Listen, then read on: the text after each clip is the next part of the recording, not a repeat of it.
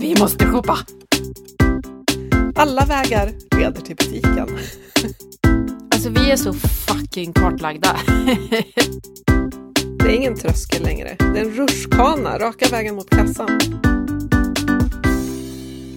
Ja men Sund, vad sålde du när du lekte affär när du var liten då? Eh, alltså jag lekte med Dallas.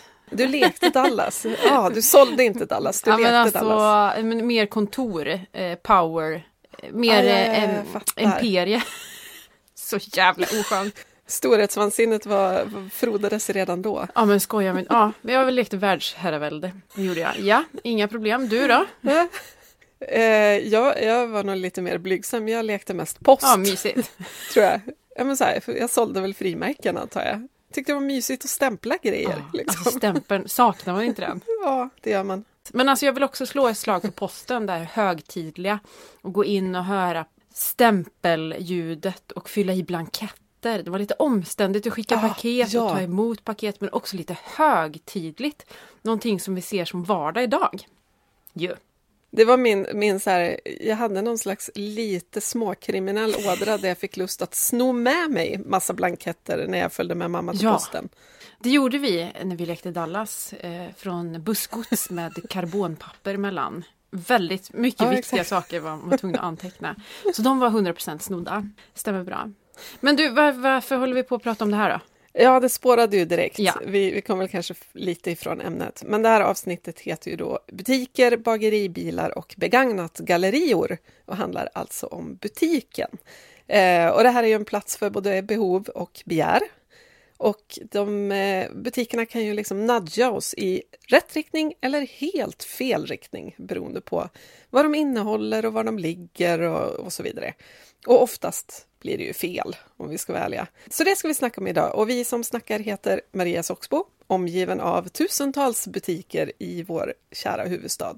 Och Emma Sund som bor på landsbygden där det förr kryllade av lanthandlar. Men idag är närmsta affär, som förvisso alla, inklusive jag, älskar, ligger fem kilometer bort. Och det här är vår podd om det göttiga livet efter omställningen. Och dags att bege sig in i butiken, men först ett klipp.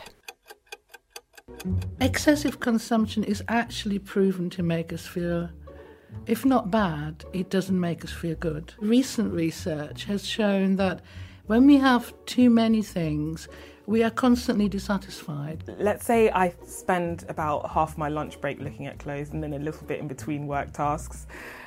And then you add that to some time when I get home and then the actual purchasing. I would say maybe like three hours a day is spent looking at websites, looking at baskets, returning things. Yeah, it takes up quite a lot of my time. Det där var ett klipp från BBC IDs som heter Why do we have so much stuff? Och det kan man ju verkligen fråga sig.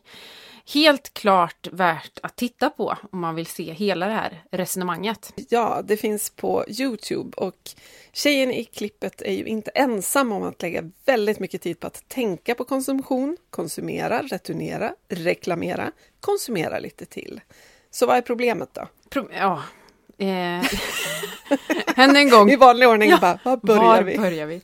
Ja, men grundproblemet är ju att vi överkonsumerat något så jävligt. Vi handlar mat som vi sen svinnar bort och vi köper i snitt ett nytt plagg i veckan, alltså vi i Sverige, eh, som vi sen eh, bär ungefär sju gånger innan vi känner att nej, nu är vi trötta på det här.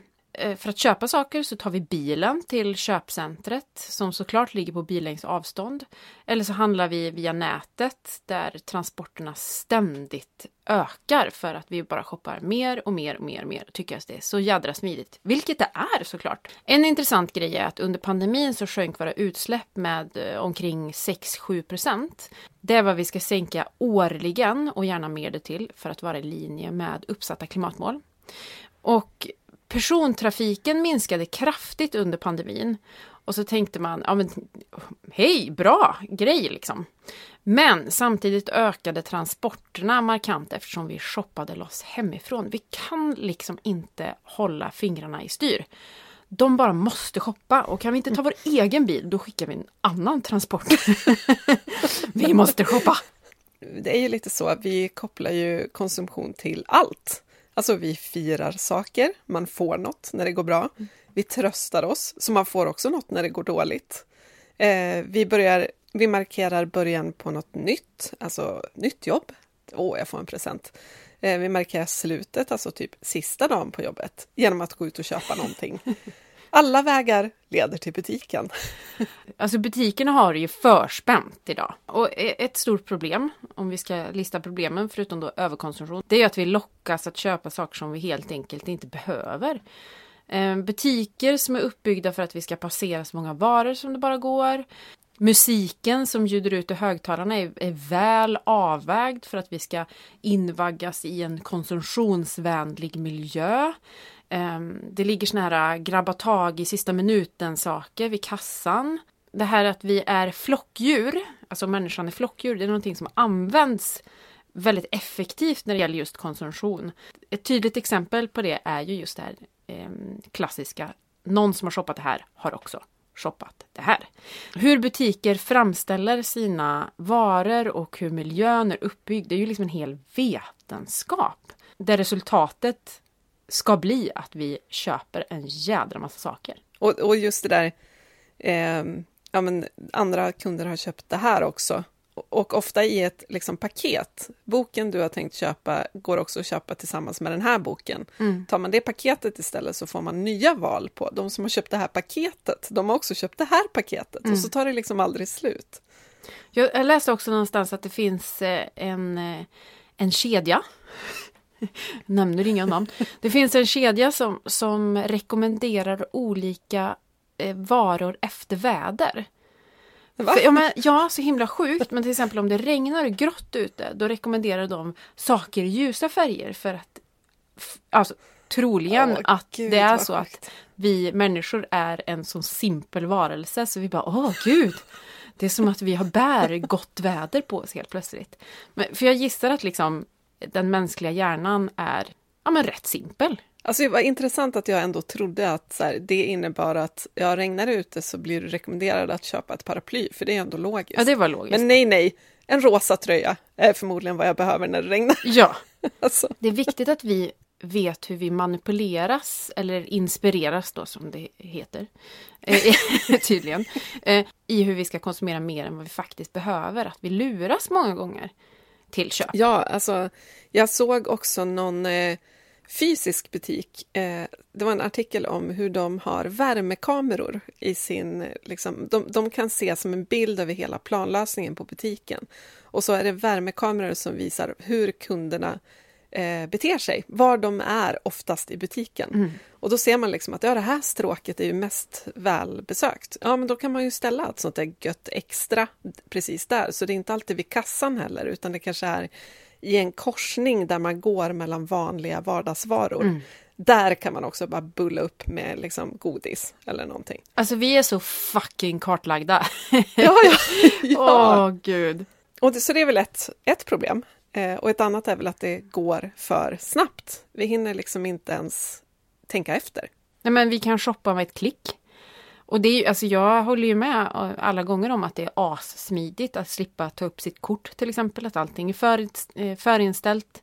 Att det bara går att liksom köpa på faktura. Alltså det, det finns ju, alltså tröskeln är ju jävligt låg vilket man uppskattar såklart. Som konsument för att man är lat. Eller jag är lat. Men problemet är ju att det är för enkelt. Det är ingen tröskel längre. Det Nej. är en rutschkana raka vägen mot kassan. Ja, det är det verkligen. Vad bra. Bra beskrivet. Och det, numera finns det ju faktiskt en lag som säger att kredit inte får vara det förinställda valet. Men jag tycker jag fortfarande ser det överallt. Jag fick ett DM från någon följare som, som faktiskt reagerade på det där som sa att hon aldrig shoppar på kredit för att hon vill liksom att pengarna ska dras direkt. Och ändå så fick hon hem någon beställning nyligen där hon insåg att nej men det här blev kreditköp utan att jag märkte det ens. Det leder ju också till eh, liksom, framförallt att unga skuldsätts därför att unga har lite pengar och väntar in liksom, studiebidrag eller vad det nu kan vara. Men så släpps det någon liksom, begränsad kollektion eller någonting av någon sminkpryl och så vidare. Och sen så tänker man bra, det går att köpa skjuta upp betalningen. Jag köper den nu för annars tar den slut. Så det är också det här fear of missing out grejen i kombination med hela kreditverksamheten. Liksom. Mm. Det leder ju inte till goda saker. Vi, vi handlar för pengar vi inte ens har än. Och då är de ju slut när de väl kommer. Jag fick ett mail nu inför Black Friday som är nu i november. Det känns väldigt viktigt att vi gör det här avsnittet just på grund av det. För att nu lockas man ju in i någon form av köphets. Och jag fick ett mail där det i stort sett stod det är klappat klart. Eh, Det är inga problem. Vi tar hand om det här. Du kan skjuta upp betalningen hur länge som helst i stort sett. För att Ja. göra dig redo inför den årets största shoppingdag. Som numera är en vecka. Black men Week. exakt. Eftersom vi, vi shoppar så lite i Sverige så vi behöver en hel vecka på oss att ladda upp. Och sen är det Singles Day också, som, Ja. som liksom har lagts på. Och sen är det julhandeln. Mm.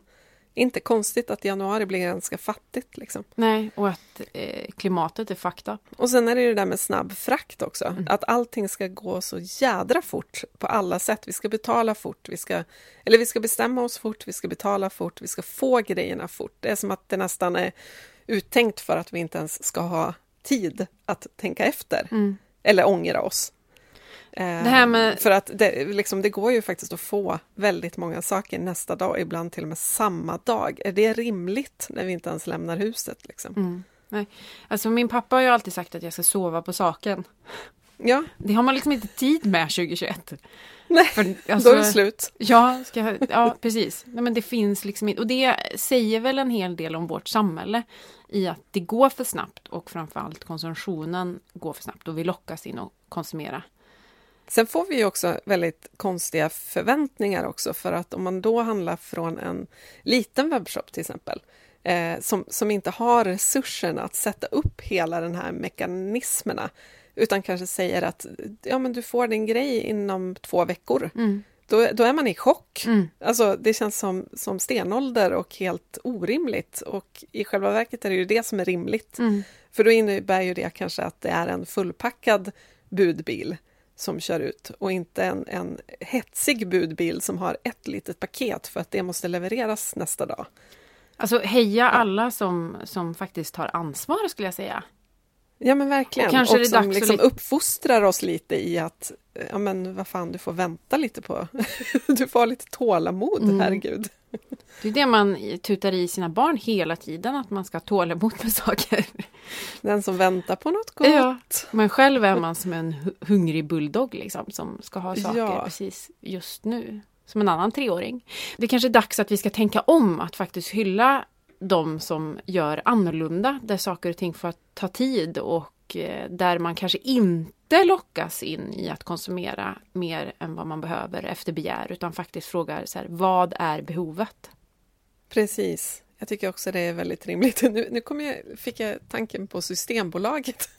Ja, Jag bara tänker att det är ju faktiskt den enda butik typ vi har i Sverige som, som på riktigt tar ansvar för konsumtionen. mm. Verkligen att det är sant. begränsade öppettider och det är ålderskontroll och liksom, de gör inte reklam. Det, det är ju någonstans, även om varan i sig inte är sund, Mm. så, men, men det är ju ändå någonting rimligt i hur just Systembolaget beter sig utåt. Mm. När jag, när jag okej, eh, OT, men eh, när jag pluggade på högskola så jobbade jag extra i kassan på Ikea och ibland när de shoppade jättemycket så frågade jag på skämt då Ska du verkligen ha allt det här? och sen sa jag, jag bara skojar. Åh, jobbigt. Employee of the month Ja, varje, nej, det var- varje blev jag månad. aldrig. Eller? Nej. Nej men en, nej, men det där om också hur man gör, alltså vilket, vilken typ av ansvar eller inte ansvar man tar tycker jag också speglas lite överallt. Alltså det här med att vi får poäng när vi köper som sen ska omvandla, omvandlas till något annat, Mm. till exempel. Eh, handla mat som du behöver på typ Coop. Få poäng som du kan omvandla till en flygresa till Zanzibar. Mm. Alltså det är alltså- så ja. sjukt. I teorin skulle jag kunna konsumera hur genomtänkt som helst. Alltså köpa bara veganskt till exempel. Och sen blir jag ändå liksom lockad att eh, omvandla de här medvetna poängen till då en resa till solen. För det är jag ju värd. Oftast finns det ju inte ens ett hållbart val istället. Nej. Alltså, du har dina poäng och det du kan bränna dem på är en flygresa. Så om du inte vill flyga, då är det som att du går miste om att du har varit en lojal kund som får en bonus. Mm.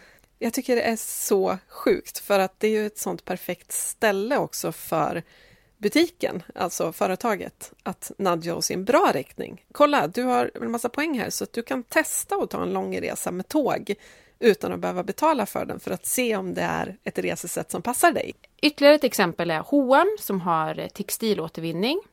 Och lämnar man in textil så får man en rabatt att shoppa nytt för. Och känslan är ju liksom att det är cirkulärt, att när man lämnar in sina kläder så blir det material till nästa säsongs kollektion. Alltså det är ju den känslan, eller är jag ensam om den känslan? Nej då, Nej. jag kan relatera. Problemet är att mindre än 1% av alla kläder faktiskt återvinns. Resten blir second hand, fast inte inom H&M's flagg då, utan under mm, någon annanstans. Och eh, även blir isolering. Ja, nej, och just det där att, att man inte ens får pengar, utan man får rabatt Mm. att köpa nyproducerade kläder. Alltså, tar inte det ändå bort hela miljövinsten med att lämna in så att en procent blir återvunnen? Alltså, det känns som inte att det går plus minus noll ens, utan det känns ju som att det bara göder fortsatta nyköp. Ja, och så Liksom. nudgas vi in i tron att vi gör någonting bra. Att vi bidrar till den här lugnt. Textilåtervinningen. Människan fungerar ju på det sättet att åh gud vad, åh jag har gjort någonting bra nu, därför är jag värd att göra det här nu. Alltså det är ju så liksom människan funkar. Det här spelar ju H&M på. Det är ju inget snack om saken. Nej, men precis, att det blir ett slags köpslående med vårt, eh, vårt dåliga samvete. Lämna in här så är det lugnt att du handlar nytt sen, för du, liksom, valutan du använder är ju att du har gjort något bra först. Det kortsiktiga belöningssystemet. Jag har den här, det här goa exemplet också. Det finns en tjänst som heter Miljöretur som finns till exempel hos Ellos. Eh, som handlar om att för det, det här är motiveringen, att det ska vara enkelt att göra hållbara val. Så därför, när man köper en ny soffa så kommer det ett budföretag med soffan eh, som tar med sig ens gamla soffa därifrån och skänker den då vidare till Erikshjälpen. Och visst är det bra att en gammal soffa hamnar på Erikshjälpen och inte på en tipp. Men när tröskeln är så fruktansvärt låg att du inte ens behöver göra dig omaket att fota din gamla soffa och lägga ut den på Blocket och vänta på att någon hämtar den och så vidare innan du kan köpa en ny för du kanske inte har plats för två. Utan din gamla soffa bara poff försvinner. Då är det ju aslätt att köpa en ny soffa. Bara man har, det är bara pengarna som är liksom tröskeln. Inte ens omaket eller orken eller så. Och så bara maler vi ut fler grejer i den här centrifugen av prylar. Ja, och det blir också en lägre tröskel för att köpa en ny soffa än en preälskad soffa. Det hade varit en sak Det är om... inte ett hållbart val. Hallå, hallå, hallå! Det är inte ett hållbart val. Nej, det, gör, det är det verkligen inte. Och så, det hade varit en sak om det var Erikshjälpen som hade den här tjänsten. Eh, Då blir det ju cirkulärt, även om frakten kanske hade varit lite väl. Eller kanske att man lockades in i att förändra mer än vad man faktiskt behöver. Men Ja, men precis. Att Erikshjälpen säger vi kör din nya preälskade soffa till dig och så tar vi med oss din förra soffa därifrån. precis. Detta erbjudande gäller en gång per livstid. Ja, Sen får du Ja, fan exakt. betala en egen jävla frakt om du vill ha förändring. ja, men det är ju det. Det borde ju alltid vara till exempel frakt av nyproducerade saker borde ju alltid kosta pengar. Medan frakt av begagnade saker borde vara subventionerade. Eller hur? Ja, där kom vi på något. Det är alltid lite krångligare, lite mer tidskrävande och ofta lite dyrare för att frakten inte ingår som ett stort liksom, multinationellt företag som kränger massproducerade prylar på löpande band och gör stor vinst kan erbjuda. Och det borde inte få vara så. Det borde inte få vara så liksom, risiga spelregler för den som hjälper oss att göra rätt. Nej. Och Nej. dessutom, det är storföretag som kränger saker som vi inte behöver, som har dålig kvalitet, där människor inte får en rimlig lön och där det kanske finns barnarbete. Alltså, förlåt, får de finnas? Nej, nej, nej, det bestämmer vi att de inte får. Någon form av straffavgift i alla fall. Fri frakt ska de i alla fall inte få ha, det är väl ett som är klart. Inte fria returer heller. Nej. För det är ju också ett problem att eftersom frakten är gratis och eftersom det är så smidigt att handla på nätet så köper vi tröjan vi vill ha i eh, fem färger och tre storlekar och så tar vi hem alltihop och använder vår eget eh, vardagsrum som provrum. Mm. Och sen skickar vi tillbaka allting och så ska det flygas ner till Baltikum för att ångas och paketeras om och sen flygas tillbaka till ett lager och så är det någon ny som shop- shoppar på samma sätt. Mm. Eh, den eviga karusellen av junk. Liksom. Apropå gå in på posten och fylla i en blankett. Ja, alltså visst ska det vara lite krångligare. Ja, alltså Man borde gå personligen... någonstans och fylla i en blankett där man Ja. berättar att jag har köpt den här tröjan i fem färger och tre storlekar och jag behövde bara en tröja. Eh, så här, vilken blankett ska jag fylla i då? Ja, det här 23-sidiga formuläret. Om man ska se till systemet så vill jag ju ha jävligt krångligt. Alltså personligen så gillar man ju låga trösklar, alltså absolut. Bara som det är idag så har jag svårt att skicka tillbaka saker. Eller skicka saker överhuvudtaget. Ja, men det är lite som det här med krediterna också. Att idag är det så oerhört lätt att ta ett lån. Mm. Eh, ett sms-lån, vilket som helst typ av privatlån är väldigt, väldigt enkelt. Medan förr i tiden var du tvungen att gå till en fysisk bank och snällt be om ett lån och du kanske till och med klädde dig lite extra propert för att liksom, det skulle se, se ut som att du har möjlighet att betala tillbaka det här. Och det är ju en tröskel, alltså det är ju en enorm tröskel att faktiskt bestämma sig för att jag ska gå och be en annan människa om pengar. Mm. Nu, nu behöver du liksom aldrig möta en annan människa, du bara klickar så har du mer pengar. En eh, ganska viktig del i den här konsumtionshärvan som vi får säga att vi lever i är ju den här snabba livsstilen, att vi är ju liksom alltid på språng. Det är bråttom, bråttom, bråttom. Inte sällan med en take away-mugg i handen kanske. Kioskerna och närbutikerna har blivit en ganska självklar del av våra liv. Men till skillnad från när vi storhandlar och kan planera och ta med egna kassar och så vidare så har vi typ aldrig med oss något eh, till kiosken. Även om vi kanske äger en flergångsmugg som vi lyckas att alltid glömma hemma, i alla fall jag. Och så går vi istället därifrån med diverse engångsförpackningar med kanske en takeaway-pastasallad och en kaffe och kanske något extra gott att unna sig vid tredippen på eftermiddagen och så vidare. Och så lämnar vi ett litet spår av skräp efter oss.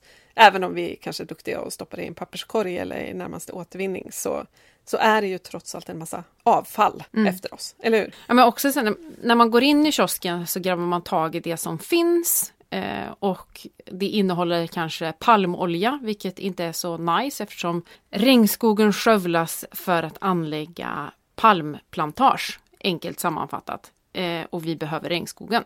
Ja, det var väldigt, väldigt förenklat. Men fokus när vi är på språng är inte att läsa på innehållsförteckningen vad det innehåller och se om vi gör ett medvetet val, utan det handlar om att lösa ett problem, typ jag är hungrig. Snabbt Snabbt. och smidigt. Jävligt snabbt. Och det finns faktiskt någon som vill förändra det här sättet som vi konsumerar på språng. Och det här avsnittet gör vi i samarbete med PBX eller Pressbyrån X. Och det är en helt ny sorts kiosk som än så länge är ett sorts living lab, alltså ett test, testlabb. Eh, PBX finns i verkligheten och riktiga konsumenter kommer in och handlar, men det är i ständig förändring. Man testar nya idéer i verkligheten för att se om de flyger och tanken är sen att de ska skalas upp och förverkligas i alla Pressbyrån och 7-Eleven butiker. Målet är att förändra en hel bransch och det här är så jädra spännande. Ja, superspännande. Och det här ville vi veta mer om så jag har ringt upp Malin på Reitan och Reitan driver förutom PBX också 7-Eleven och eh, Pressbyrån. Vill du höra? Ja, Ja men härligt. Hej Malin Eklund som är hållbarhetsdirektör på Reitan. Nej men hej Emma, vad trevligt att ses. Ja men det är detsamma. Men du, nu måste du berätta, vad är PBX för någonting? Ja men Ambitionen med PBX det är att skapa världens mest hållbara convenience-butik. Eh, eller framtidens kiosk kan man ju säga. Vi vill ju bygga en butik där man kan handla med gott samvete. Och, och vårt Living Lab det är, liksom ett, det är ett butiksexperiment som, som bygger på vad forskningen egentligen säger kring miljö och hälsa. Och jag tänker att ambitionen med PBX det är att eh, leda vägen mot en helt ny typ av convenience och, och skapa eh, liksom en ny standard för vad en kiosk kan vara. Och vad är convenience för någonting? Ja, men convenience, det är det vi kallar när man, när vi har, när man kan handla enkelt och lätt och, och snabbt. Ofta när man är liksom på språng eller på väg någonstans. Och ni vill verkligen förändra sättet att konsumera just på språng och göra det mer hållbart. Och hur gör ni det? Ja, vi försöker göra eh, convenience så hållbart vi bara kan. Och, och jag tänker att människor kommer alltid att vara eh, på språng och vara i behov av frukost och mellis och lunch och allt möjligt när de, när de rör sig ute i samhället. Och då tänker jag liksom att tänk att gå in i en butik och känna att här så kan jag handla vad som helst med gott samvete. Jag behöver inte liksom känna mig dålig när jag handlar här. Jag vet att någon har tänkt. Våra produkter och våra tjänster har genomgått en supernoggrann genomlysning och granskning där vi just har tittat på klimat och miljö och arbetsförhållanden men också hur det påverkar hälsa och, och liksom hur vi ska vara som företag kring transparens och, och, och, och så. Jag tänker att vi har en viktig roll att stå upp för viktiga värden som ja, men, demokrati och det fria ordet och allt möjligt. Hur vill ni påverka branschen? Men jag ser det som att vi är ute på en resa där vi har vår ambition att skapa världens mest hållbara kiosk eller butik. Eh, och, och, det tänker jag att det kan man inte göra själv utan det måste man göra tillsammans. Både med gamla samarbetspartners men också nya innovativa företag som, som det händer ju saker hela tiden, inte minst inom innovativ hållbarhetsforskning. Det som krävs det är ju egentligen en riktig systemförändring. När vi pratar om hållbarhet så kan vi liksom inte bara ändra oss lite grann eller, eller bara skruva lite här och där. Utan det som krävs det är riktig transformation. Och då, då behöver ju liksom alla vara med. Det spelar ingen roll om vi transformerar oss. Vi måste få, se till att våra leverantörer gör det och de måste i sin tur se till att deras leverantörer gör det och skapa de här ringarna på vattnet så att det, så att det faktiskt verkligen sker en ordentlig förändring. Ni har sagt nej till produkter med palmolja och ni säljer inga cigaretter och har lokalproducerat bröd och arbetskläderna som personalen bär är gjorda av överblivna tyger. Hur har liksom snacket gått? Och vad är nästa steg? Ja, vad är nästa steg? Jag tänker att det är det fina med att ha ett living lab, att man faktiskt hela tiden utmanar sig själv och hela tiden måste vara modiga och försöka pröva nya saker. Och det är tanken med PBX, att vi hela tiden ska ligga i framkant och eh, testa och, och faktiskt sätta press på våra leverantörer och samarbetspartner att komma med men nya, att hela tiden ligga och scouta in i framtiden. Vad, vad är det som, som kommer här? Kanske får vi också massa bra tips från era lyssnare, eller hur? De är ju så mm. innovativa. Men det som är viktigt är ju att det som fungerar bra i PBX, det ska vi ju ta över till våra övriga 400 butiker i Pressbyrån och 7-Eleven. Då skapar man ju en förändring på riktigt. Vad har varit den största utmaningen hittills? Vi brukar mest prata om möjligheter, men det är klart mm. att det finns utmaningar och en av utmaningarna det är ju att eh, till exempel när vi bestämde oss för att inga produkter får innehålla palmolja. Det är förvånande hur många saker som innehåller palmolja, både till sätt till det vi stoppar i oss, men också jag tänker deodoranter och schampon och tvättmedel och så vidare. Så att där försvann ju väldigt många valbara alternativ, eh, men vi hittade ändå många. Eh, en annan utmaning det är ju eh, tycker jag, att, eh, att få människor att förstå att, att hållbarhet och lönsamhet, det är inte motsatser, utan kanske till och med förutsättningar för, eh, för en fortsatt affär. Och en tredje utmaning är att det är väldigt komplext med hållbarhet. Det är svårt att kommunicera, det, det, man behöver berätta så oerhört mycket och kunna så oerhört mycket för att faktiskt känna att man kan göra ett tryggt val. Och det är väl det som är kanske skönt på något sätt för kunderna, att, att slippa sätta sig in i all den komplexitet men ändå känna sig trygg att man får med sig bra produkter.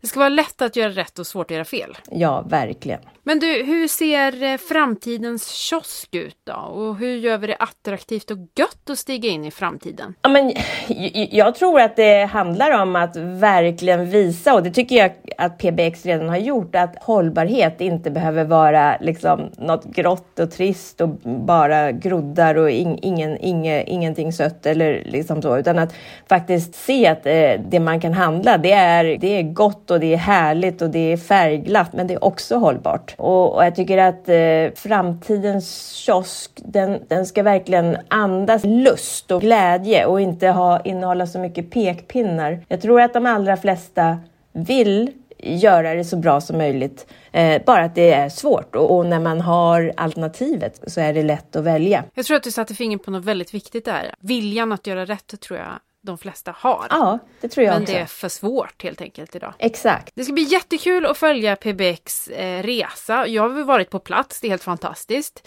Och jag hoppas att vi ses där snart igen. Ja, verkligen. Tack så mycket Emma. Både du och jag har ju besökt PBX-kiosken.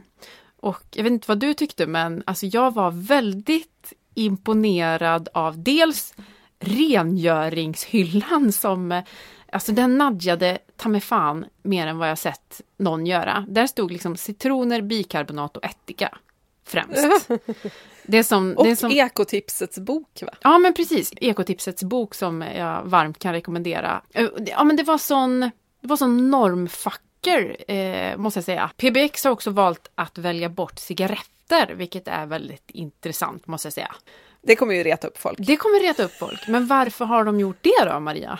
Ja, alltså det här är ju en sån eh, doldis i klimatsammanhang faktiskt. Alltså, vi, vi vet ju alla att det inte är bra att röka, liksom, att det är hälsorisker. Men det är en klimatbov också och det pratar ju typ ingen om. Eh, tobaksindustrin släpper ut 84 miljoner ton koldioxid varje år. Var är den varningstexten på paketet kan man ju fråga sig. Och det går ju åt enormt mycket jordbruksmark, 4,3 miljarder hektar till tobaksodlingen, eh, som hade kunnat användas till att, inte vet jag, mat kanske. Ja, rimligt. Eh, 22 miljarder kubikmeter vatten kräver odlingarna varje år. Eh, och sen är det ju såklart allt, eh, alla transporter. Eh, det röks 6 250 miljarder sig i världen varje år. Det är ganska många lastbilar som rullar på vägarna. Mm. Och sen har vi ju förstås skräpet. Bara på svenska gator landar en miljard fimpar varje år. Och det är ju en massa, massa kemikalier som läcker ut i naturen.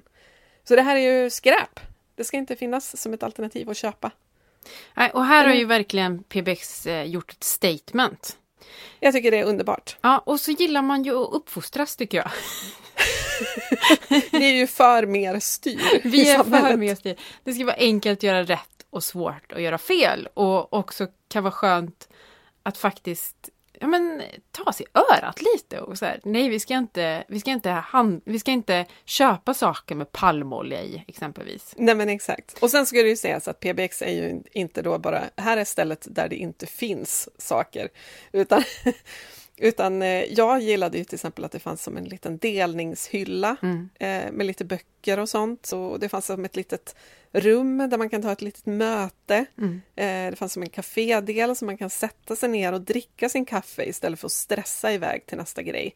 Så att jag gillar ju någonstans helhetstänket att så här, kom in, stanna upp lite, var inte rädd för att göra dåliga val och kanske tillbringa lite längre tid där än vad man först hade tänkt för att det finns mycket att titta på och mycket att tänka kring. Det gillade jag. Och närproducerat bröd. Du och jag som reser en hel del med tåg och föreläser. Man är ju ganska trött på de här eh, svampiga mackorna som är eh, i, ja. precis överallt. Men här var det liksom the real deal. Eh, och det uppskattar jag. Verkligen. Den som har vägarna förbi Stockholm kan ju ta bussen och besöka PBX faktiskt. Det finns ju en PBX-butik än så länge, det här Living Labet, eh, och det ligger i Albano-området på norra Djurgården, inte så långt från universitetet. Så dit kan man åka och se hur framtidens kiosk ser ut idag. Sen kanske man måste åka tillbaka veckan efter och kolla hur den ser ut då, för det händer ju saker hela tiden. Och om man gör det här så ska man ju också ta chansen att ge feedback. För det är liksom det som är poängen med ett Living Lab, att vi som är konsumenter är liksom en del av experimentet. Så vi kan ju säga, men hallå, det här finns ett ännu bättre alternativ än det här, det borde ni ta in. Eller, jag saknar det här, kan ni inte börja med det också? Det tycker jag är så coolt, att man är en del av processen. Liksom. Ja, använda sin konsumentmakt. Och även om man inte har vägarna förbi så kan man pitcha in idéer kring vad som borde finnas i framtidens kiosk såklart, eller vad som kanske inte borde finnas. Kolla in pbx.se eller mejla till info.pbx.se. Passa på att tycka till och vara med och förändra hela den här branschen. Ja, tack PBX för att ni backar Plan B-podden såklart och för att ni gör vad ni kan för att liksom baxa en hel bransch i rätt riktning. Mm, tack! Eh, nu har vi pratat om PBX, men vi ska ju prata om butiker i största allmänhet. Och vart blåser liksom trenderna just nu, skulle du säga? Eh, bra fråga. Jag tänker ju att det pratas ganska mycket om att tekniken ska in. Alltså tekniken ska ju rädda oss från allt, ja, ja. även zombier. Vi kan luta oss tillbaka, det är inga problem. Tekniken som vi i och för sig inte riktigt har uppfunnit än, eh, ska liksom rädda oss från allt. Precis. Och alltså, jag kan ju tycka någonstans att än så länge är ju tekniken en del av problemet, apropå det här att algoritmerna ser till att vi göds med reklam för saker som vi någon gång har nämnt i något sammanhang på sociala medier så får vi hundra köperbjudanden om det, till exempel. Eh, eller köp en till, eller köp det här också för det andra köpt och så vidare. Det är ju teknik som, som gör det åt oss. Men, eh, men visst, alltså det, det kan ju också hjälpa bättre just när det gäller näthandel till exempel, att man inte ska behöva köpa tre olika storlekar av tröjan därför att du kan mata in dina mått så att du faktiskt får veta vilken storlek som kommer att passa dig. Eh, så på det sättet kan ju tekniken verkligen hjälpa till. Men sen så är det det här med självbetjäningsbutiker. Eh, alltså att det inte finns någon personal som kostar utan vi ska kunna gå in i en butik och betjäna oss själva eh, och kunna öppna till mm. exempel med en kod. Vilket är väldigt smidigt, särskilt på landsbygden där man kanske inte har närhet till, eh, till matbutiker och det här är ett enkelt och säkert väldigt ekonomiskt fördelaktigt sätt att, att göra matbutiker tillgängliga för alla. Samtidigt som man kanske saknar personal lite grann. Särskilt nu när vi har varit i en pandemi. Forever and ja, ever. precis. Jag handlade faktiskt ur en sån eh, på sportlovet i vintras för ICA-butiken i den orten hade brunnit ner. Nej! Så de hade fått ställa in en sån här to-go liksom container eller barack som man öppnade med, med sin telefon och så gick man in och så fanns det liksom som en liten slinga man gick med allt sånt här nödvändigt, toapapper, mjölk och så vidare, eh, blöjor. Så det var ju det jag kan gilla med det. Nu fanns det faktiskt personal där, för de var ju tvungna hela tiden fylla på hyllorna och plus att det här är ju fortfarande ganska nytt. Så det kom ju dit folk som inte fattade hur man tog sig in i butiken. och då måste man ju hjälpa. Men, eh, men jag kan ju ändå uppskatta att dels det här är en flyttbar butik, mm. så den skulle ju kunna åka som en liten turné på landsbygden, så man inte behöver ha väldigt, väldigt många butiker, utan att butiken kommer till orten, så att säga. Eh, särskilt där du bor till exempel. Det vore väl bra om det kom en butik en gång i veckan så ni slapp ta bilen. Ja, ja eh, Och sen kan jag också uppskatta att det faktiskt var ett begränsat sortiment. Att det inte var så här 80 olika sorters olivolja och pastasås utan kanske två sorter. Mm. För att mer ryms inte. Och vi, vi blir ju inte lyckligare av fler val, utan det här var ju ganska skönt för att det var så pass basic. Sen är det klart att så fort man ska ha någon form av specialvara så är det ju kört, för den ryms ju inte där. Eh, och det var ju en ganska stor del av sortimentet som ändå bestod av typ chips och sånt, för att man vet att det var sportlovsmänniskor där som vill ha något gött på kvällen. Mm. Eh, men tanken var inte så dum ändå. Jag tyckte ändå att det funkade ganska bra med tanke på förutsättningarna. Men jag har ju varit inne i gårdsbutiker som är sådär eh, närproducerade eh, produkter eh, som säljs med självbetjäningslösningar. Mm. Så det är, Det ju är superbra. underbart. Så som man pratar om butiken i framtiden just nu, den bygger väldigt mycket på teknik, alltså drönare som ska köra hem våra matkassar och eh, man ska också kunna följa konsumenten in i butiken och också skanna av eh, vad just den personen ska vilja shop- shoppa och liksom skräddarsy utbudet. Alltså apropå den här ständiga diskussionen om en storebror ser dig. Eh, ver- verkar inte vara något problem när det gäller eh, konsumtion.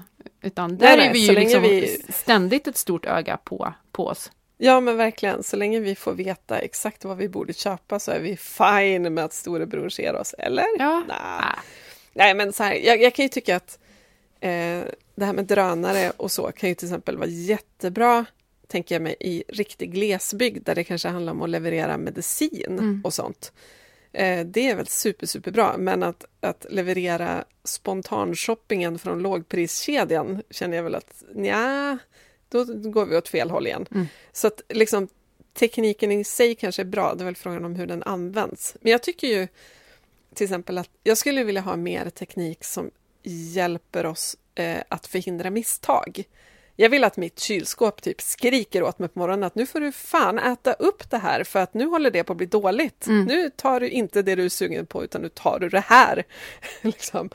eh, så att man slipper upptäcka att man har missat någon förpackning längst bak som har hunnit bli dålig och sådär. Det vill jag ha. Teknik som hjälper dig. Teknik som hjälper mig. Eh, likadant med det där att liksom avgöra vilken storlek som passar om man behöver köpa någonting, någon klädesplagg på nätet till exempel. Ytterligare en trend som, som blåser just nu som jag tycker är väldigt intressant det är att eh, allt fler konsumenter blir medvetna kräver mer av sina butiker och vill ha butiker som stöttar ett högre syfte på något vis. Mm. Och eh, det tycker jag är en bra utveckling och en bra trend som vi ser just nu att man konsumenterna kräver mer. Det ska inte Ja, bara vara kräng utan så här, vad gör ni mer förutom att, att eh, ni vill sälja mig den här tröjan? Vad, vad gör ni? Vad, vilka världsförbättrande åtgärder står ni för? Det tycker jag är jättebra. Nu tänker jag ge ett litet företag lite, lite gratis reklam här. Men jag tänker på Iris Hantverk till exempel. Mm. Som förvisso gör nyproducerade saker. Men allt görs för hand och det görs av synskadade. Mm. Eh, så att de får ett tryggt arbete som, som verkligen är ett fint hantverk. Det är liksom inte ett, ett så här välgörenhetsjobb. Liksom. Utan det här kräver ju skills. Jag har ju fått prova att göra sådana borstar. Det var inte lätt. Mm. Eh, och det här är ju liksom en, en så fin grundtanke. Att ge arbetstillfällen till en grupp som inte har så lätt att försörja sig. Mm. Eh, och så blir det produkter som är av väldigt god kvalitet och svensktillverkade och liten liksom, upplaga och så vidare. Då tycker jag man bockar av det här att man har ett större syfte med sin verksamhet än att bara kränga prylar till folk som inte behöver dem. Håller helt med dig. Och att vinsten inte heller är allt. Alltså den, den behöver inte bli hur stor som helst. Man behöver inte skala upp bara för att det går, utan man kan nöja sig med att Nej, men vi, det här går runt, alla har det bra, vi behöver inte producera i större upplaga än så här. Mm. Jag gillar det. Eh, hej! så jävla trött idag.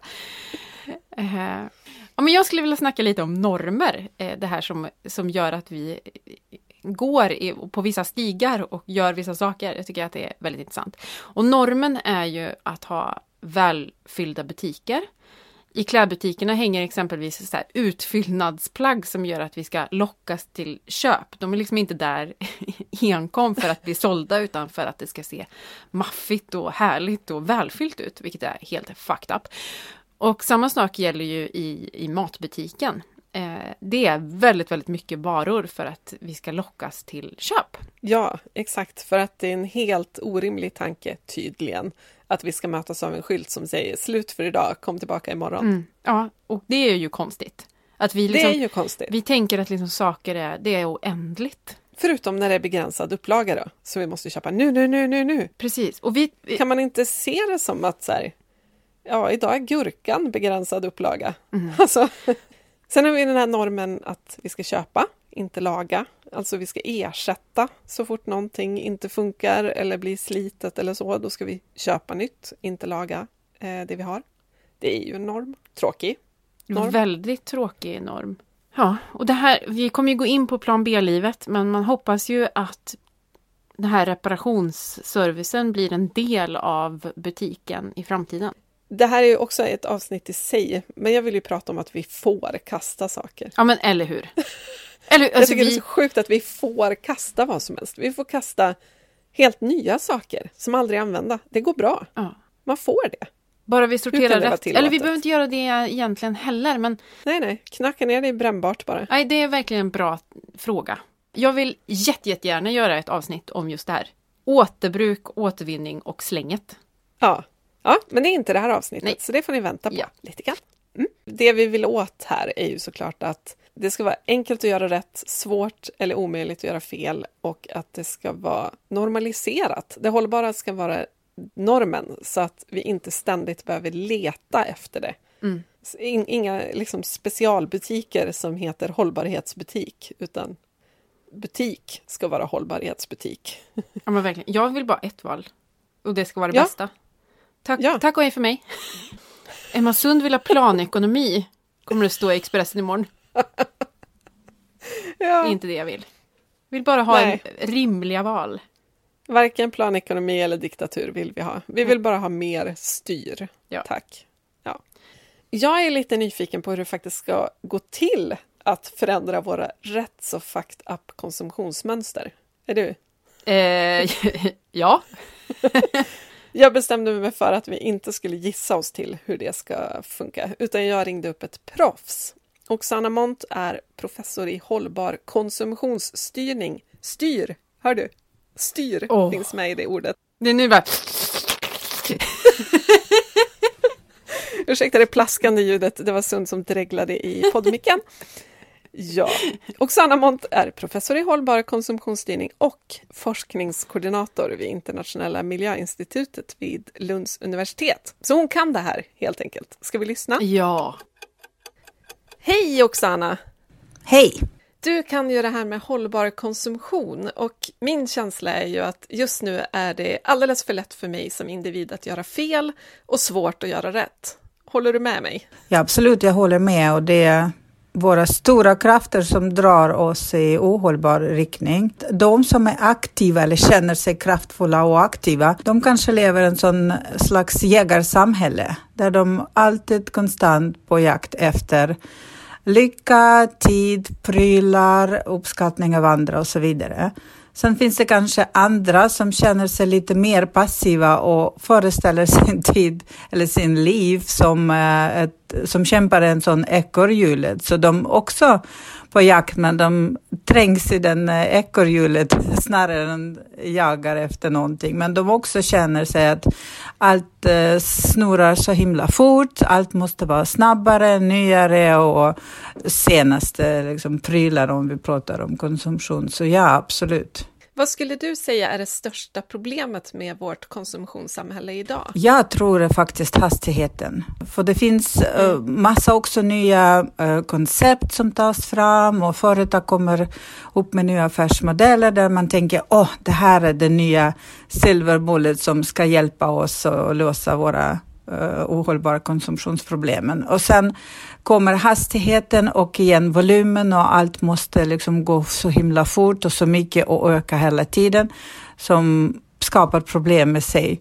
Jag tänker också att eh, hastigheten för att framtiden är kanske oviss och man vill eh, njuta av livet nu, ha vinster nu och eh, avkastningar nu, så allt måste gå fort och då, då leder det till att både konsumtion och produktion blir fortare och fortare och då är det inte intressant att tillverka långvariga varor för allt måste säljas fort, men också att vi vill inte se tillfredsställda konsumenter uh, på lång tid. Vi vill ha dem tillbaka, så igen, liksom, allt leder till det kortlivade och snabbt, snabbt, snabbt. Så det är uh, verkligen uh, problem. Men du forskar ju bland annat kring strategier och verktyg för hållbar konsumtion.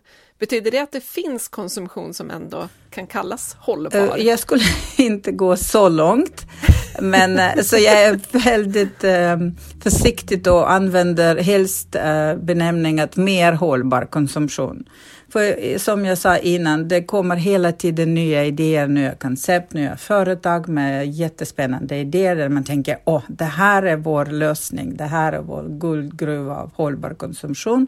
Sen kommer hastigheten, sen kommer volymer, eh, fler och fler hoppar på och det blir kaos. Så jag känner att det är den kapitalismen och den ehm, marknadsekonomi med ständig tillväxt, det är den som sätter käppar i hjulet.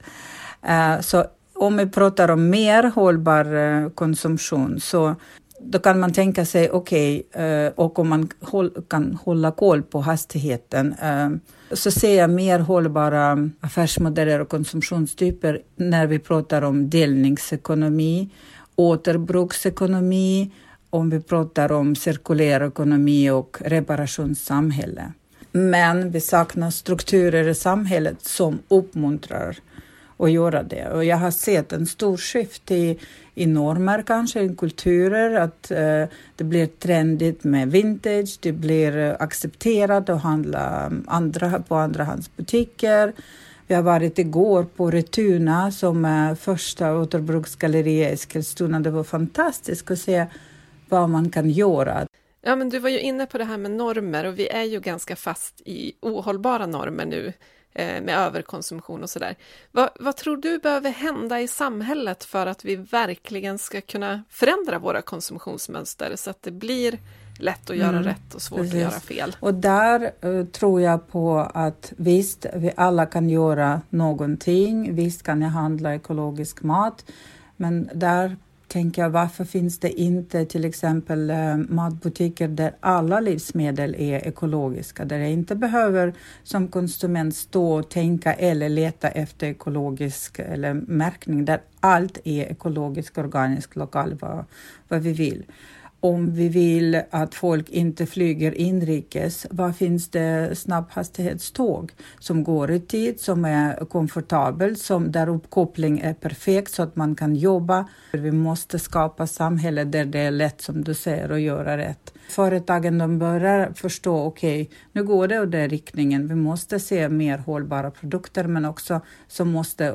bakas upp av um, um, mer hållbara affärsmodeller som innehåller det där mm. återbruk från början, att där det inte finns utrymme för planerad um, åldrandet. Där produkter måste vara långvariga liksom, och där uh, företagen måste kunna tjäna pengar på det. Och där går vi kanske sen på vilka politiska åtgärder som behövs för att stödja en sån övergång både på individnivå men också på, för företag och näringslivet. Finns det några sådana politiska beslut som vi konsumenter borde pusha för? Eh, som skulle liksom ta oss i mm. rätt riktning? Jag tänker så, om, om jag kommer tillbaka till en till exempel återbrukssamhälle där finns massvis man kan göra. Man kan eh, förbjuda planerad åldrande, man kan uppmuntra med incitament eh, och kanske skatta företag som inte gör eh, långvariga produkter. Man kan premiera återbruk, till exempel genom att ta moms på sådana produkter och eh, kanske beskatta mer nytillverkade produkter. Man pratar på EU-nivå om de klimattullarna för att igen gynna eh, lokala tillverkare och kanske de återtillverkare eller reparationstjänster som finns. Om man tittar lite framåt så vi behöver nya indikatorer som inte bara BNP som liksom räknar alla aktiviteter, krig och föroreningar och allt möjligt, utan vi måste hitta indikatorer som verkligen avspeglar och mäter samhällets hälsa, där volontärarbete också räknas in, för det är enorma eh, civilsamhälle och många folk engagerar i olika funktioner och fyller viktiga funktioner i samhället som inte eh, uppfylls av eh, traditionell marknad. Så det, det, är också jätteviktigt och där pratar vi också om normer. Vad, vad vill vi?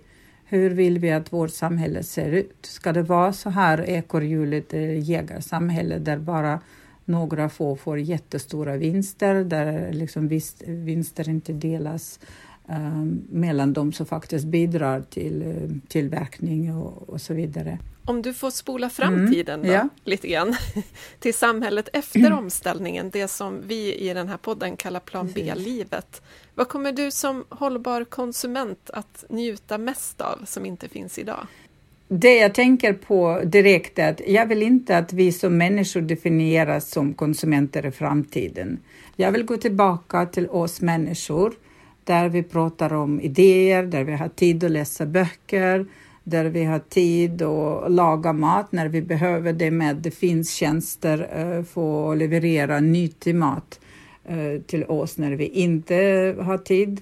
Um, men framför allt jag tänker om balans. Vi har ingen balans nu. Allt det där tillbaka till hastigheten, allt är så fort och um, så jag vill ha balans, jag vill ha tid för reflektion och eftertanke och jag vill ha njutning i nuet. Uh, jag vill att framtiden ska handla om nuet. Tack snälla Tack. Oksana! Vad spännande att lyssna och nu ska vi få snacka plan B-livet! För det är det ju bästa vi vet, eller hur? Ja, det är det fasen. Mm. Okej, okay, hit me with your best plan B-liv. Ja, men jag drömmer ju om lanthandel på jul, alltså bokbussen eh, fast med mat. Och det här mm. är ju liksom inget nytt påfund som jag har kommit på nu eh, en sen natt, utan det här har ju faktiskt funnits förut. Konsumbilar som kommer ut på landsbygden fullmatade med mat. Och det här konceptet, förutom att det har funnits förut, så finns det ju faktiskt i, fortfarande. Förut... Glassbilen! Ja, exakt. Eh, det här är ju liksom glassbilen fast vi vill ju åt fler varianter. Alltså dels matbilen, lanthandeln på jul då. Eh, bageribilen det här finns ju på flera ställen i Sverige, i Stockholm, också Gotland, så är ju liksom brödbilen ett återkommande inslag. Det vill man ju se precis överallt. Jag vill ha grönsaksbilen och då ska jag också säga att det här är ju eldrivna bilar. Ja. ja. Eh, grönsaksbilen som är fullmatad med eh, lokala grönsaker eh, i säsong. Vi har ju redan fiskbilen. Så att det här det. är ju liksom, eh, ja, det kanske är de bilarna som ska liksom ta upp eh, vägarna i Sverige och inte liksom persontrafiken som är på väg då till de här gigantiska shoppingcentren på billängdsavstånd. Eller hur? Jag tänker Mycket också bra. kanske lagningsbilen. Mm -hmm. Ett ställe dit man eh, kan... Inte en bil man måste laga utan... Nej, det hoppas vi inte.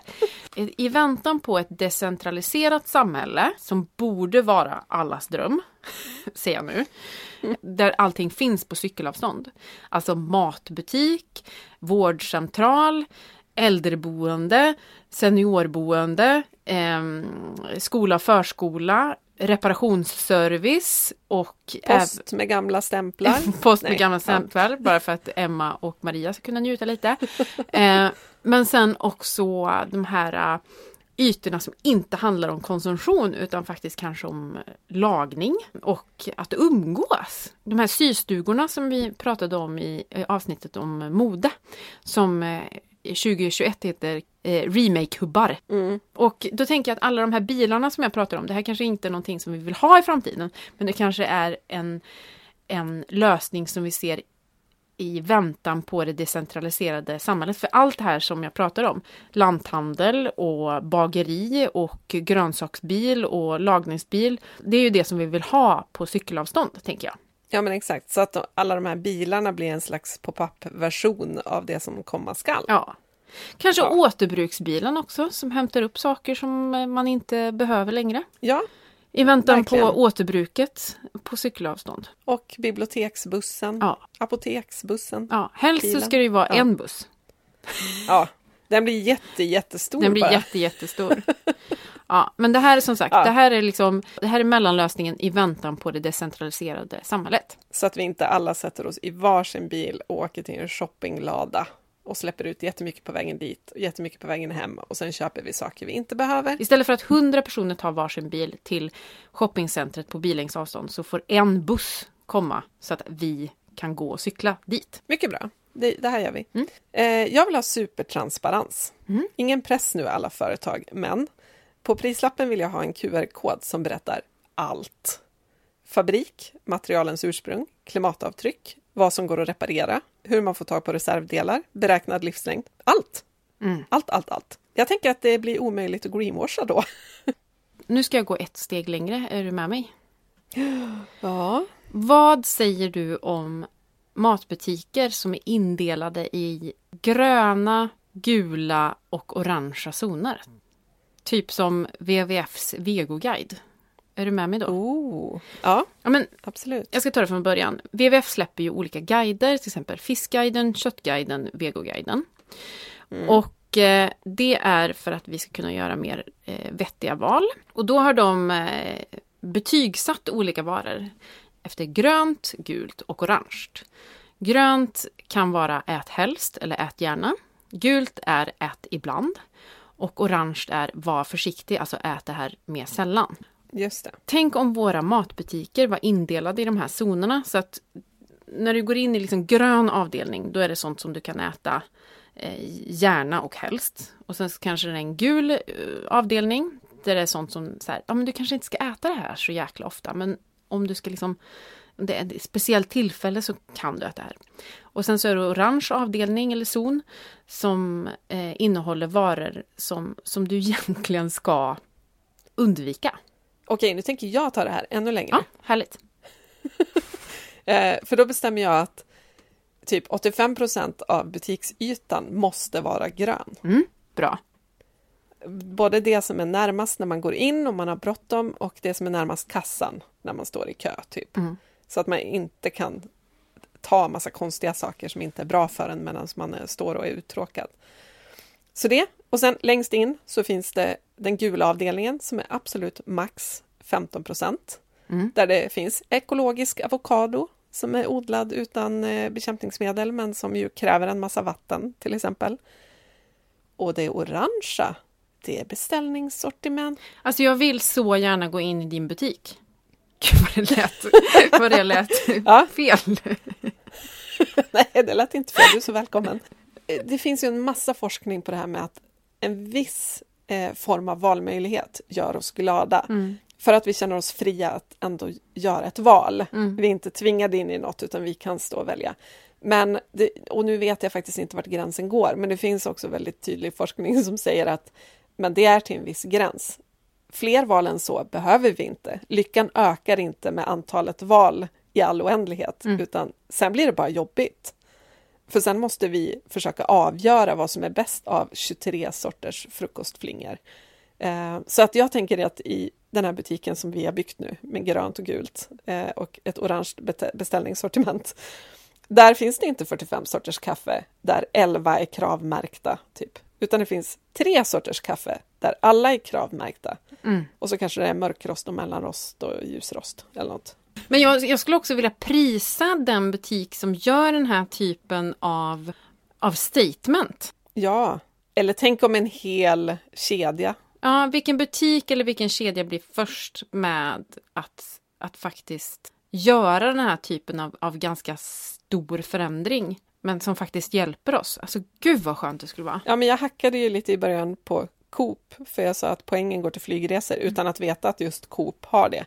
Kan inte Coop vara först med det här då, så får jag hylla er i ett annat avsnitt. Ja, men apropå det här med poäng. Så, Ja. så vore det ju härligt om, om just de här poängen inte gav oss rabatt på en resa till Zanzibar utan faktiskt vi kanske fick extra poäng när vi, vi handlade ur den gröna zonen.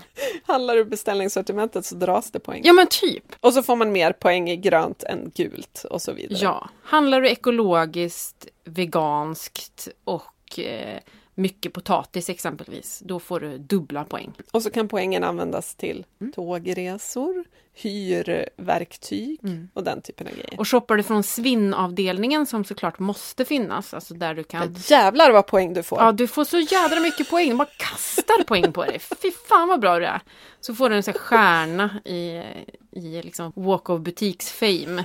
I den här butiken så måste det såklart finnas den här svinnavdelningen men också en, en eh, hel avdelning med säsongsmat. Det tycker jag med. Eh, och jag tänker också att den här svinsmarta delen kanske också är någon form av eh, trappa. Alltså i slutet på varje dag så hamnar nya varor där. Mm. Och det som inte blir sålt dagen efter, som, som liksom blir ännu mer svinnära. Till slut hamnar det i en hylla där den som verkligen har dåligt med pengar kan gå och hämta mat, Ja. tänker jag. Istället för att den ska slängas och någon går hungrig. Liksom. Nu måste vi nämna den här lagen som vi alltid nämner.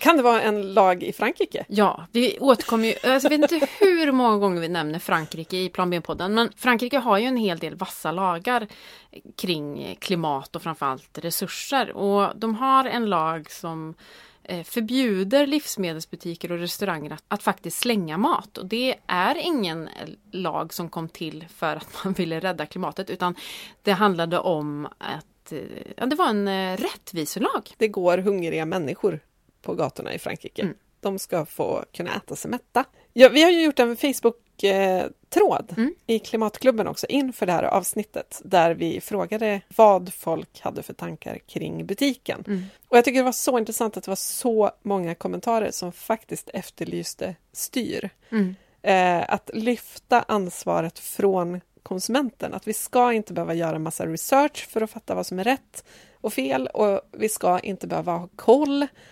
Vi ska inte behöva lockas av varor som är sämsta möjliga alternativ och så vidare. Det var någon som skrev, vi måste införa lagar och märkning som gör butiken i sig till folkbildning. Ja, Och det tyckte jag var intressant. Att det ska vara så oerhört tydligt vad som är bra och dåligt, om, om det nu måste finnas dåliga alternativ. Så ska det ändå vara så tydligt att det inte ska gå att undvika att göra rätt om man vill det. Coolt ändå att det är så många som faktiskt vill ha styr, att det inte bara är du, du och jag. Nej men precis, det finns en stark opinion för kraftfullare politiska åtgärder.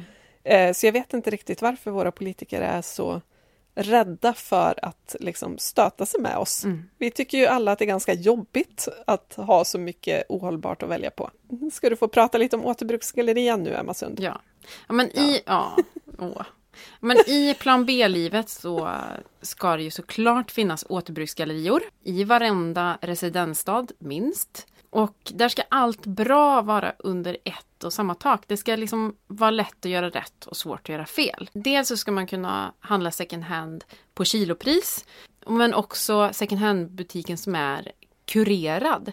I den här återbruksgallerian så ska det kunna finnas eh, ytor där man inte konsumerar, alltså kanske någon form av remake-studio där man kan laga sina kläder tillsammans med polarna. Eh, man ska kunna äta en eh, svinsmart eh, middag. Ja, men hitta massa bra saker under samma tak. Vad ser du i återbruksgallerian? Ja, men jag tänker ju också det där att jag kan lämna in min trasiga väska och få ett nytt spänne på den. Eh, jag kanske kan gå och prova ut en hyrklänning. Eh, jag kanske kan hitta begagnade skridskor i rätt storlek till mina kids. Jag kan boka in mig hos min gröna frisör. Jag kan såklart låna böcker på bibblan, för det är ju delningsekonomi så det bara skriker om det. Jag kanske kan boka in en eldelningsbil för att jag ska på utflykt till helgen och då behöver jag bil. Det behöver jag inte i vardagen för den här återbruksgallerian ligger minsann mitt i stan. Eh, och så kan jag hämta ut ett tält på fritidsbanken eller motsvarande som jag får låna över den här äventyrshelgen. Och så kan jag såklart köpa med mig eh, närproducerat bröd och sånt hem. Men jag tänker också kanske att den här svinsmarta restaurangen som har lagat då någon härlig gryta på diverse grönsaker som höll på att, att liksom svinnas bort. I slutet på dagen så paketerar de upp sina rester också och så kan man ta med det som en, en take away låda, obs i pantlåda. Mm. Eh, så att man har en matlåda till nästa dag på jobbet eller som man kan värma till middag när man kommer hem med sina barn till exempel. Så att allt, allt, allt tas tillvara på. Ja, men yes please. För det här var ju också flera i Facebook-tråden inne på, eh, alltså att samla mycket under samma tak Mm. så att det inte blir så krångligt.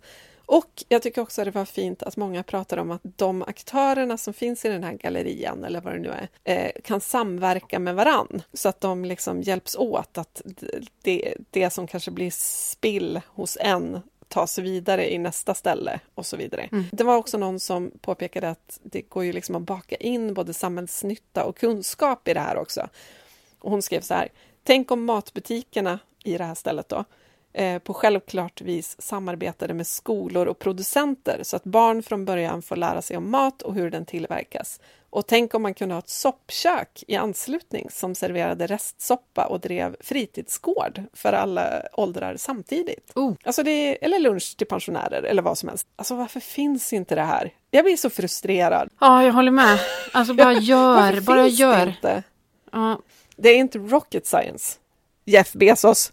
Det är inte rocket science. Vi behöver inte åka ut i rymden för att hitta på det här. Det finns. Det finns. Ja. ja. Han borde lägga sina pengar på återbruksgallerier istället. Men förutom återbruksgallerier, vad liksom drömmer du om i det här plan B-livet mera?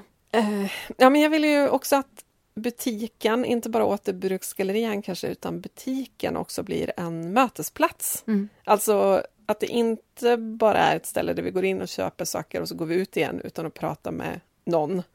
Utan att eh, vi, det liksom är en plats för möten, att det inte bara är en, den här trötta anslagstavlan som ibland finns där någon säger Har du sett min katt som har sprungit bort? Utan att det är kanske en digital anslagstavla och en bokbytarhylla och en matchningstjänst mellan äppelträdsägare och äppelsugna Mm. eller vad som helst.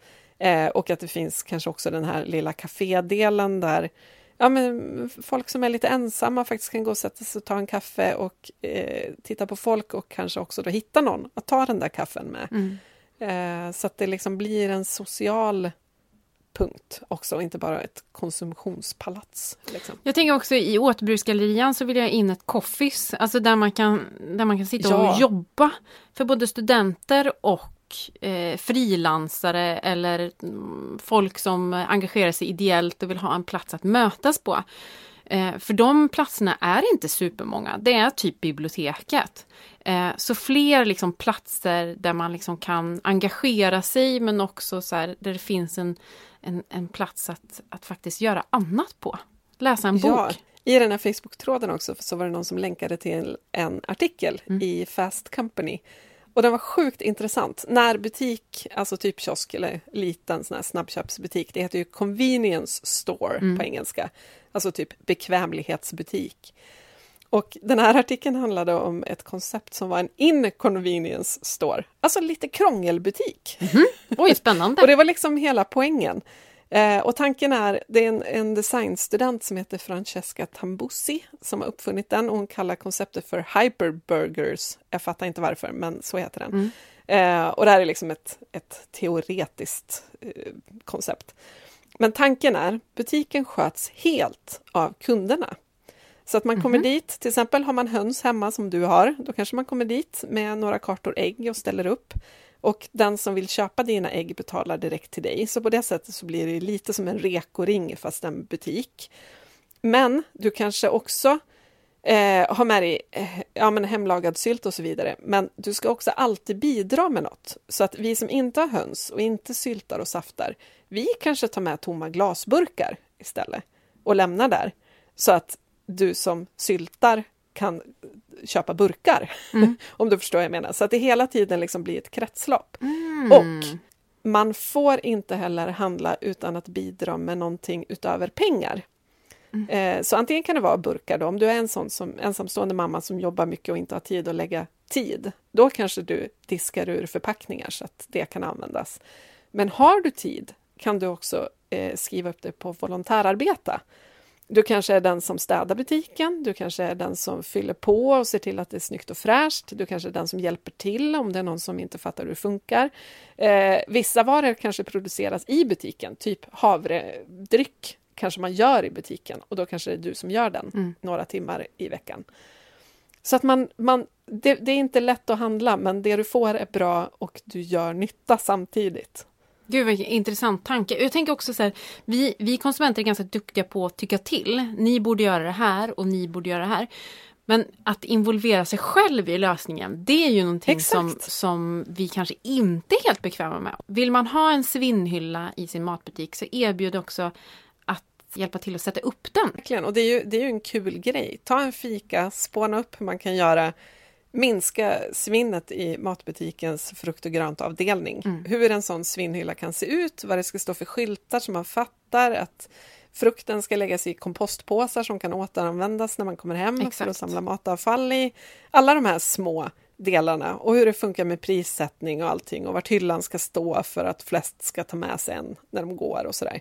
Det är ju liksom, det är ju inte många timmars jobb och butiken blir säkert glad över att ha både involverade kunder och få en färdig lösning. Liksom. Och också, jag tänker på det här med WWFs eh, guider. Kanske erbjuda att sätta små så här, gröna och gula och orangea pluppar. Eh, Ja, bara som precis. test. Eh, bara för att testa konceptet tänker jag. Och också Ja, skön verkligen. grej att istället för att så här, irritera sig på att det är ohållbart i butiken eller att man inte gör de här grejerna, involvera dig själv. Jag tänker jädrar vilken god känsla. En, en annan grej med, med det också tänker jag att man faktiskt bygger lokalkänsla för att man involverar sig i det som finns lokalt. Det blir mysigare att bo där för att man sen kan gå in i den här matbutiken och se sin svinsmarta hylla och känna sig lite stolt. Typ. Och jag tänker att det också behövs. Alltså i storstan där jag bor, det finns ju väldigt många små centrum i olika förorter och olika stadsdelar och sådär. Men de har inte så himla härlig känsla överallt för att det är samma butiker som möter en överallt, kedjor. Man vill ha det här, jag vill ha, i plan B-livet vill jag ha små mysiga minicentrum med lokala små företag istället för att mötas av samma skyltar överallt. Jag skulle också vilja slå ett slag för Gotland.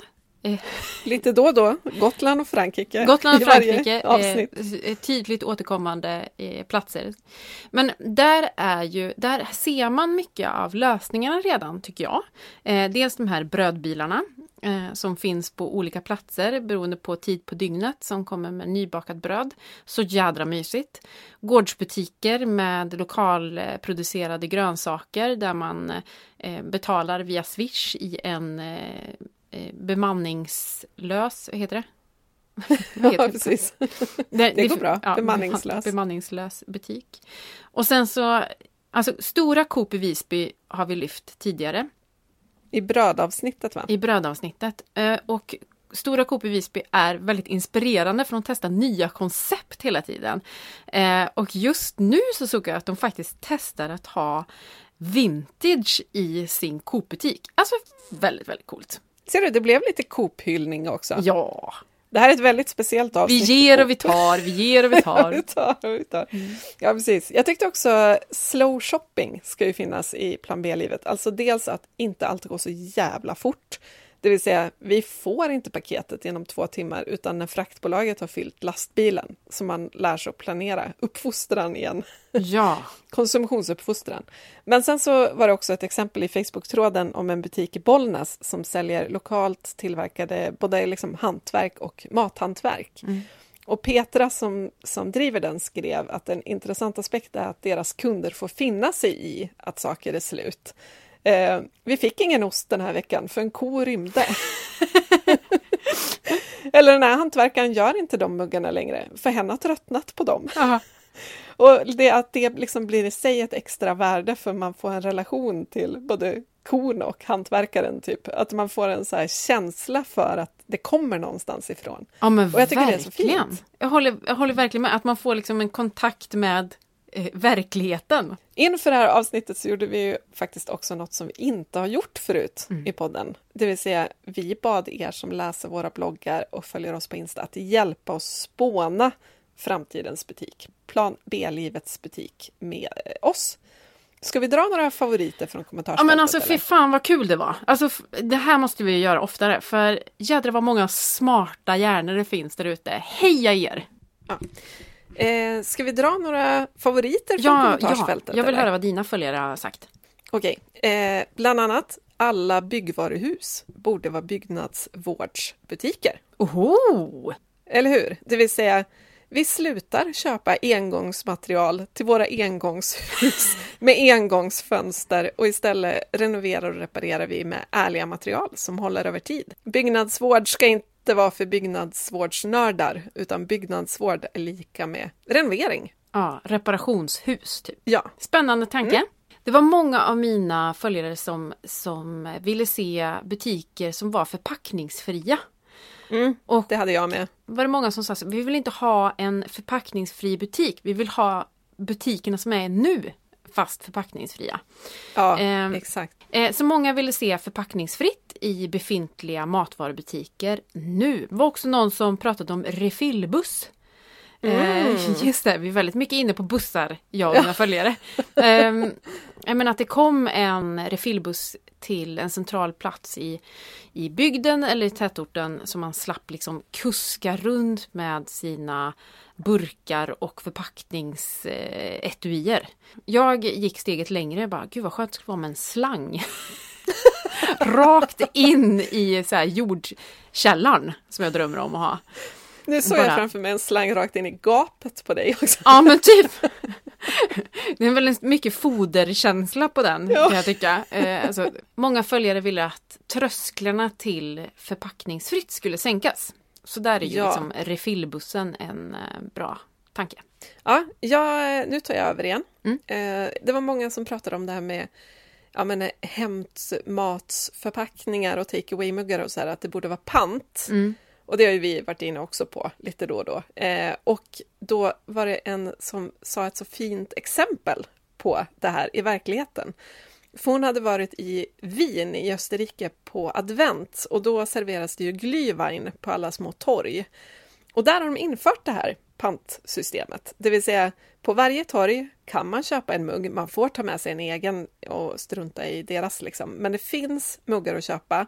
Alla har en specifik design som är knuten till torget. Och sen köper man sin glühwein och muggen, men muggens kostnad får man då tillbaka när man lämnar tillbaka muggen. Och det kan man ju då göra på olika ställen som jag förstår det.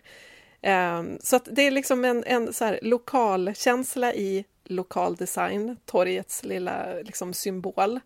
Och sen så är det noll engångsmuggar när det är glühweintider. Alltså jag tänker också på, ja jag gillar verkligen idén. Och så tänker jag på hur det var förr när, jag tror det var i USA, så när man köpte spannmål så kom de i olika säckar i tyg. Eh, varpå man kunde använda tyget ti- till att sy, sy Ja, kläder av. Vi, eh, och det var många företag som, som så här, tävlade om att ha de mest attraktiva eh, säckarna för att så här, man kunde som sagt sy klänningar av dem. Och kanske ser vi liksom eh, kiosker och matvarubutiker eh, som, som konkurrerar i att ha de schysstaste burkarna som man kan panta eller som man kan återanvända. Alltså man, man köper, nej man köper inte, man hyr eh, Ja, precis. Coops egna snyggburkar som man då återanvänder gång på gång på gång på gång. Ja, men för det är ju det, om vi betalar lite mer för förpackningen, för att, alltså, att använda så här Big Pack glasslådan som matlåda ska man ju inte göra, för den är ju gjord av engångsplast, det vill säga den läcker ämnen om man mikrar den, eh, för den är inte gjord att värma.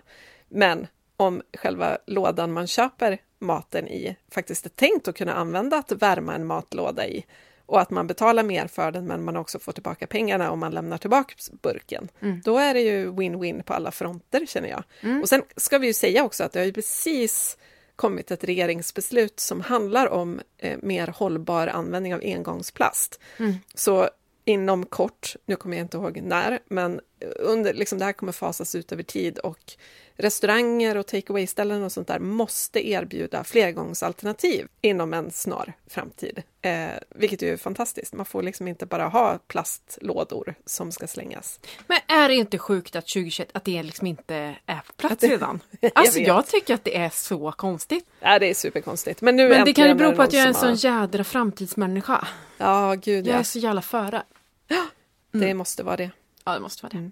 Ja, din tur. Ja, men en spännande tanke eh, som en följare tog upp var ju att matbutiker ska erbjuda cykelrabatt eller rabatt när man tar sig till eh, matbutiken utan bil och istället använda parkeringsytan då som blir som blir ganska tom förhoppningsvis till att producera egen mat. Ja. Eh, kanske växthus, men också var det mycket prat om just det här som just det här som vi tog upp tidigare, att det finns en vilja att de butiker som man handlar i ska ha liksom ett högre purpose som man säger. Man vill att eh, matvarubutiker inte bara ska sälja mat utan kanske också producera el genom att ha solceller på taket eller använda ytan till att eh, odla på taket exempelvis, ett grönt tak.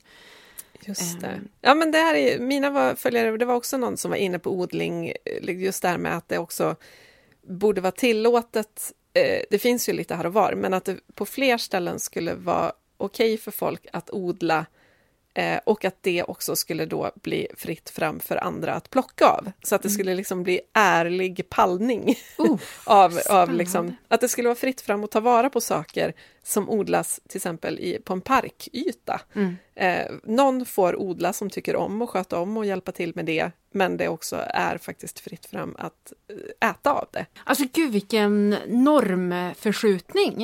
Eller hur? Från vårt ägarsamhälle till att så här, det här är till för att alla ska ha det gött. Ja, exakt. Det var också väldigt många som var inne på att, att vi måste se människor mer i bilden. Alltså inte det här att allting ska vara automatiserat och tekniskt och att det är en kassör i ett jätteställe och en lång stressad kö till allt. Utan att man vill träffa fler människor och handla av dem. Att det ska finnas en, en ostdisk med en person som kan ost och man handlar sin ost av den personen och sen går man till en annan liten kö och handlar grönsaker av någon som kan grönsaker. Eh, så att det inte blir det här att det är en människa och eh, liksom 4 000 kvadratmeter av köp själv. Så. Men jag, jag håller med. Alltså det, det, här, det här drömmer jag om. För jag tror att man är, man är så trött på att hela tiden prata med en app. Eh, Ja. ja men så här, när, men när man ska ha kontakt med banken finns ju inte bankkontor. Utan man ska så här, he, alltså det är, jag tycker att det är stressande. Jag tycker det är sjukt stressande att inte ha någon att fråga. Man pratar med en person som man får ett förtroende för.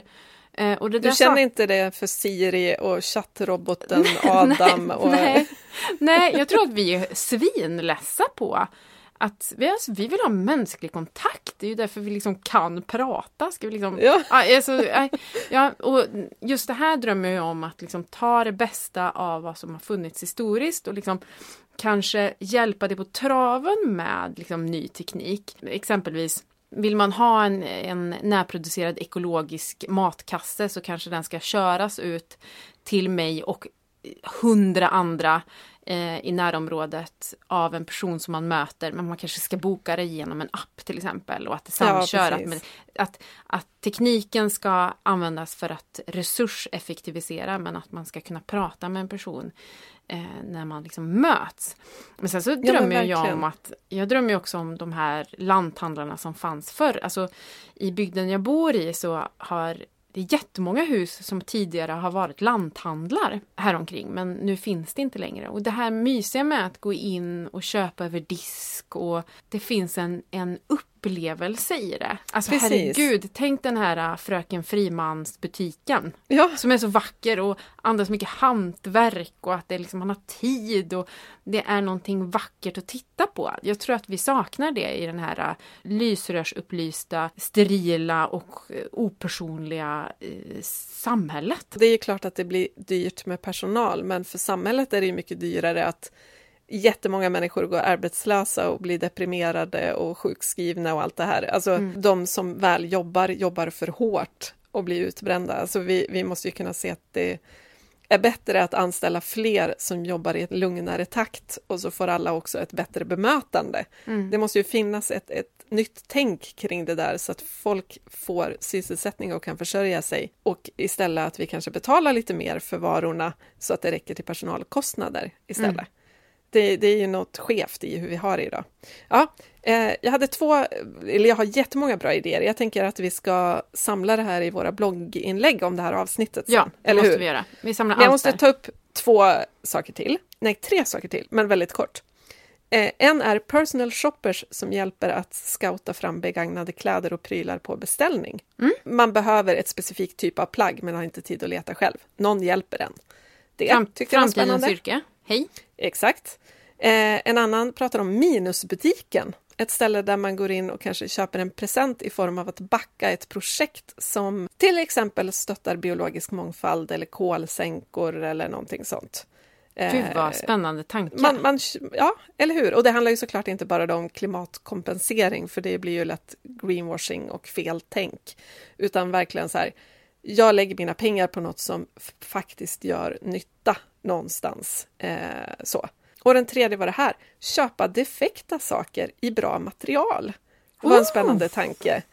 För som hon, hon skrev då så handlar det ofta om att second hand-kläder måste, eller second hand-butiker måste ju ofta rensa bort sånt som har ett litet hål och sånt för det kommer inte att bli sålt. Men det kanske är en kashmirkofta. Mm. Och om den då bara slängs för att man förstår att den kräsna konsumenten kommer aldrig att vilja ha det här, då, då är det ju ett feltänk för att, att laga en kashmirkofta, den kan ju hålla hur länge som helst och det är ett fantastiskt material och den skulle ha varit dyr att köpa ny. Mm. Eh, Så den typen av även möbler, liksom, hantverksmöbler som kanske bara behöver lite kärlek, att det finns ett ställe för folk som är händiga att gå och rädda bra grejer. Typ. Oh, vad jag vill ha det. Ja. Gud vad kliar Jag som har hittat en, jag hittade ju en kashmirkofta ifrån Marni för 10 Mm. spänn med ett litet, litet hål i. 10 spänn, my god. Det kan vi kalla rea. Det Ja. kan vi kalla rea, men skön grej att laga den och bara känna så här, nu steg priset, medan jag lagar så stiger priset med så här, typ Exakt. 100 spänn i sekunden. Ja, hade du några fler du ville ta upp eller? Ja men jag har så jädra många, men rekoringskiosker, alltså det är så många som vill ha tillgång till lokalproducerad mat men som har svårt att få ihop livspusslet med tiderna när maten finns tillgänglig. Så någon form av rekoringskiosker eller torghandel eller liksom rekoringsbutiker i återbruksgallerian exempelvis. Att ha större tillgång till det som, eh, som produceras lokalt. Sen ja, och här, ska vi, här måste jag bara lägga till då, eftersom vi fick lite backning förra gången vi pratade om att rekoringarna borde ligga mer centralt. Mm. Anledningen till att rekoringarna funkar som de gör är ju för att det inte krävs tillstånd Ja. på det sättet de sköts idag. Så här behöver ju samhället också kliva in och se till att det inte heller krävs tillstånd för att sälja på ett annat sätt, för annars försvinner ju mycket av vinsten för de små producenterna. Så här behövs ju ett systemtänk. Liksom. Ja. Det är dags att vakna nu samhället. Det är, Ja, det är dags att 2021 vakna. hörni. Jo. Exakt. Jo. Ja, men, eh, många som också efterfrågade sociala ytor som inte var kopplade till konsumtion. Vi har varit inne på det Ja. förut. Det är så uppenbart att folk är så satans trötta på att allting handlar om konsumtion. Och det tycker jag eh, är ett friskhetstecken måste jag säga. Hej Mm. alla! Eh, hej mänskligheten! Vi börjar friskna till, vad skönt att se. Jag hade också flera som var inne på det där att de ville ha en plats dit de kunde gå och ja, men till exempel njuta av lokal konst, ta en, en vettigt producerad fika vid ett bord som kanske också är till salu eh, för att det är begagnat. Och byta till sig en bok eller byta till sig en stickling, lära sig någonting, typ Mm. hur man tar hand om något och så vidare. Att det är liksom en mötesplats, ett, ett ställe att hänga på Mm. helt enkelt. Och det slutar inte med åtta shoppingkassar. Nej. Hej Återbruksgallerian, där det såklart ska finnas möjlighet att vidareutbilda sig och lära sig ett Yes. hantverk. Ja, en, si- får jag dra en sista grej eller? En sista får du ta, Mm, sen det- går vi på. Ja, men det listan är, ja, precis. Det är väldigt många som efterfrågar second hand som är liksom kurerad. Där plaggen är strykta och tvättade och sådär. Typ arkivet. Så att eh, Precis. det finns ett otroligt sug efter det. Så om det är någon där ute som känner så här, jag vill göra något annat, jag vill byta bana. Eh, det, finns, det finns ett sug Ja efter men den här verkligen, varför typen av finns det butiker. inte... Precis, varför finns det inte en, en arkivet som är en skobutik Mm. bara? Eller en arkivet som bara är sportkläder. Mm. Alltså så här supernischat och välskött och eh, känns som nyköpsbutik. Mm. Så att det lockar in de som inte redan är frälsta också. Och jag tycker vi bara tar alla de här idéerna eh, från oss, från våra följare, från Facebook-tråden i Klimatklubben och så bara pytsar vi in i framtidens galleria och bara kör. En lång lista, det är bara kom och sno.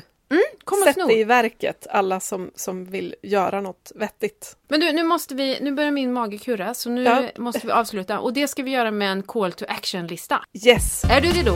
ja det är jag. Call to action-lista. Punkt ett. Prata om framtiden. Precis det här som jag och Maria gör. Det är faktiskt alldeles yppligt sätt att engagera sig för omställningen. Att prata om framtiden med vänner och bekanta, kollegor och ja, diverse folk man träffar. Och snacka om vad vi ska fästa blicken på. Är det decentraliseringen till exempel? Eller återbruksgallerian? Eller är det rekoringskiosken?